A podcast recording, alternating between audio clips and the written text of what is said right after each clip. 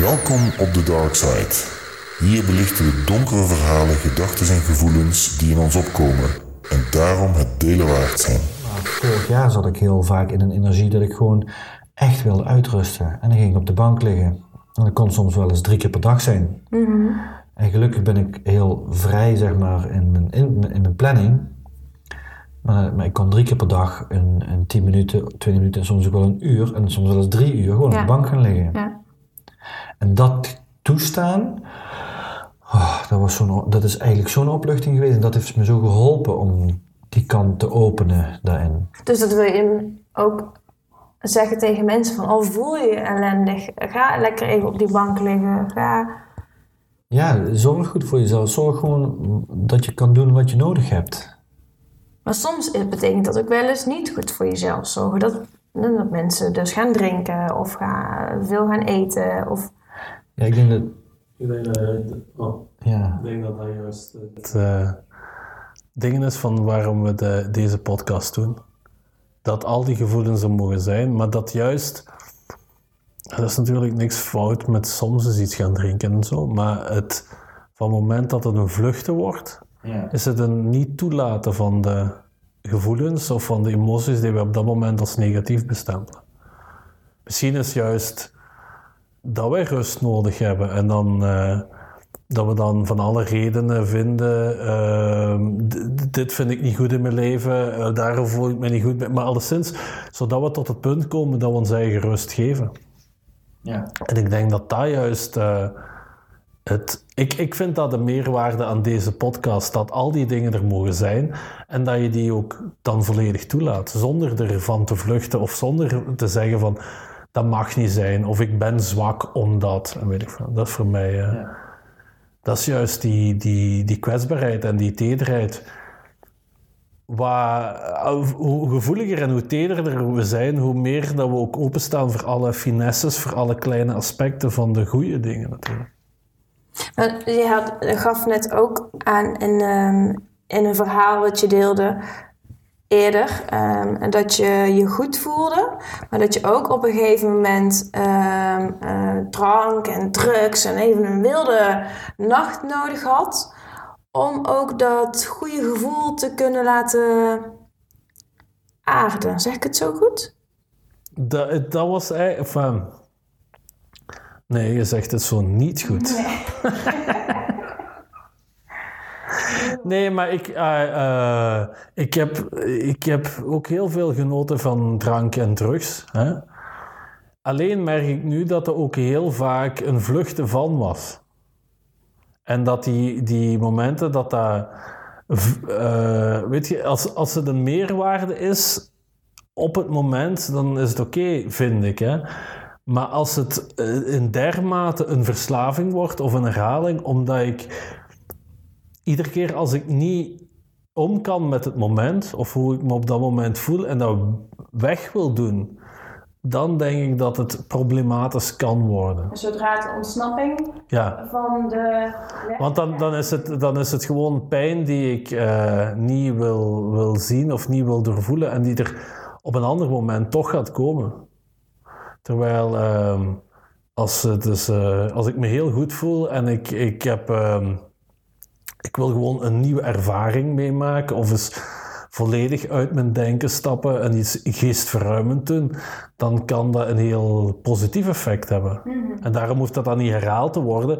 Dan, dan gewoon uit die ervaring, die dan enkele uren duurt of zo, kan ik weer nieuwe inzichten halen en dat, dat enriched, dat, dat verrijkt mijn leven in ieder aspect. Maar dat is iets heel anders dan dat ik zeg van, ik wil niet omgaan met wat er nu gebeurt en daarom, zoals Joris zei, num ik dat, dat gevoel maar. Dat is iets heel anders, ik. Ik, kan dat inmiddels ook eh, ik, aanschouwen. Ik voel eh, dat ik soms dat er iets in me zit, dat ik eh, rebels wil zijn, dat ik iets Ja.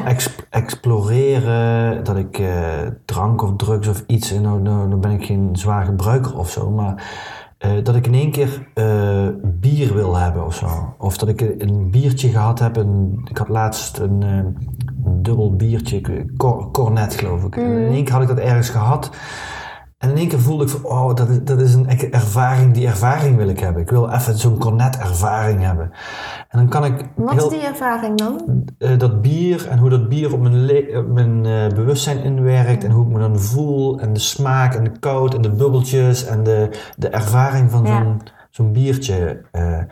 en dan kan ik die ervaring aangaan en dat echt, ja, dat is heel prettig. Maar dat is een hele andere beleving dan toen ik, waar ik het straks over had, eh, toen ik heel hard moest werken, me dan eigenlijk heel laag in energie voelde en dan eh, een fles wijn erbij dronk als een soort gewoonte waar ik niet de ervaring eigenlijk van waardeerde. Waar je niet van kon genieten dan? Nee, nee, het, het was wel misschien wel fijn of zo, maar het was, het, ik, ik- het was niet echt een bewust gekozen ervaring. Het was meer automatisme eigenlijk inderdaad, wat Bert net zegt, om, om eh, ja, het gevoel van niet helemaal lekker voelen, om dat wat minder te voelen. En de- door die alcohol dan kreeg ik iets meer ontspanning en dat voelde iets beter, als ik nu terugkijk.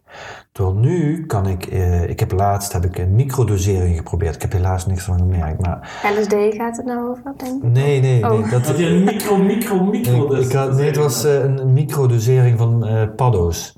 Ah. Maar het was te micro, denk ik, want ik, ik heb er niet zoveel van gemerkt. Maar ik, ik vind het wel, dat vind ik heel boeiend om gewoon eh, die ervaringen te hebben van hoe, wat, wat doet dat met me? En, ehm, ja, dat, maar dat is een hele andere manier van omgaan met drank, drugs, seks en rock'n'roll dan eh, dat dat inderdaad onbewust is. Maar hoe weten de luisteraars nou, stel ze kunnen zich identificeren met dit verhaal, hoe, hoe voelen zij of zien zij bij zichzelf of dat het een ehm, ontsnapping is of ehm, dat ze nog steeds dicht bij zichzelf kunnen blijven? Hoe, waar, waar merk je dat aan? Waar, Ja. Het moment dat je het gaat gebruiken, dan, dan voel je of het een verrijking is voor je. En als je in die verrijking kan blijven zitten, ja, dan ben je er eigenlijk op een bewuste manier gebruik van aan het maken. Maar op het moment dat het geen verrijking is, of het gebeurt onbewust, of je merkt er niet zoveel van, of, je, of het is een automatisme, ik denk dat de kans groot is dat, je het niet echt, dat het niet een verrijking is, maar eerder het, eh, het, een vlucht ergens van. dus je bent bier aan het drinken aan een bar en voordat je weet staat er weer een nieuw eh, flesje. Ja, dan zou je misschien eens kunnen nadenken van... oh, geniet ik hier nog van? Is het een ontsnapping vanavond eh, wat ik ga doen? Of wat zijn mijn plannen eigenlijk bewust of onbewust? ja. Ik denk ook wel dat het natuurlijk met levensfases te maken heeft. Hè? Ik, ik wil nu, ik heb geen zin om een dag te verliezen aan een kater.